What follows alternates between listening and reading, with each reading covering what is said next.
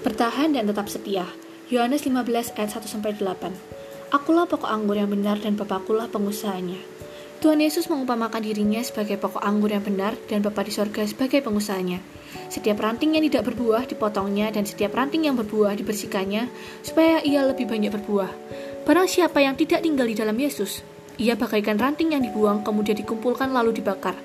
Yang berbuah dibersihkannya supaya apa? Supaya lebih banyak buahnya. Kita perlu bertahan saat kita dibersihkan dan melewati berbagai ujian. Sebagai anak-anak Tuhan, kita pun sering kali mengalami ujian dalam hidup ini. Contohnya Musa yang merupakan salah satu yang berhasil melewati semua ujian karena ia mempunyai iman dan memeliharanya. Relakah kita untuk dibersihkan baik dari luar maupun dari dalam supaya kita mencapai kesempurnaan? Allah menghendaki agar kita maju terus mencapai kesempurnaan. Bertahanlah dalam ujian apa pun, karena Allah sedang mengerjakan rencananya dalam hidup kita. God bless you.